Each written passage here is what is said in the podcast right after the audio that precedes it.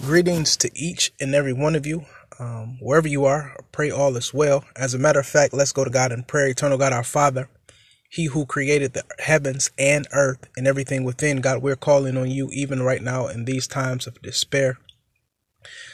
You are sovereign, God. You are omnipotent. You are omniscient, God. You know all things. You hear uh, our concerns and you hear our cries. So, God, I pray even right now, God, that you would use this time um, to reveal yourself more to your people, your creation, and that uh, even in times such as this, uh, we will seek your sovereignty, your throne, um, to pray more, to repent, uh, to, from turning from those things in which has been done, uh, seeking you for your guidance. Order steps, O God, even in this time, in this season, and forevermore.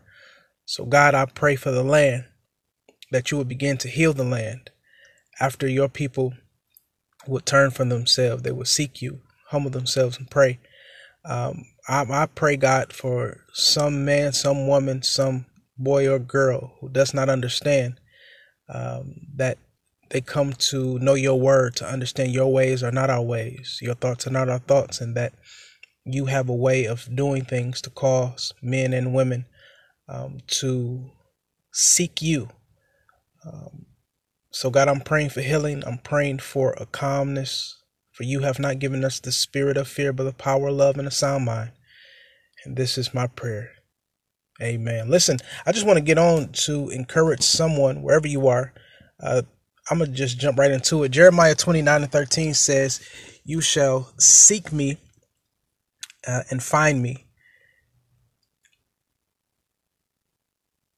Even in this present time, in this current state, um, the Lord is accessible.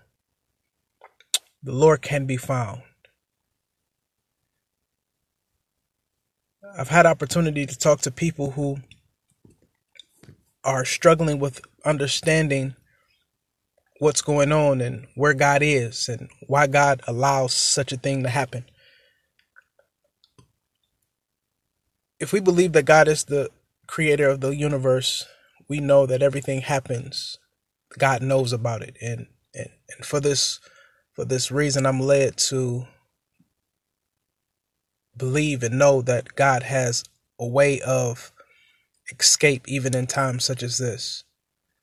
That if God is the creator, we as creation have to find time to seek God and hear God's voice. What does this mean if anybody has ever lost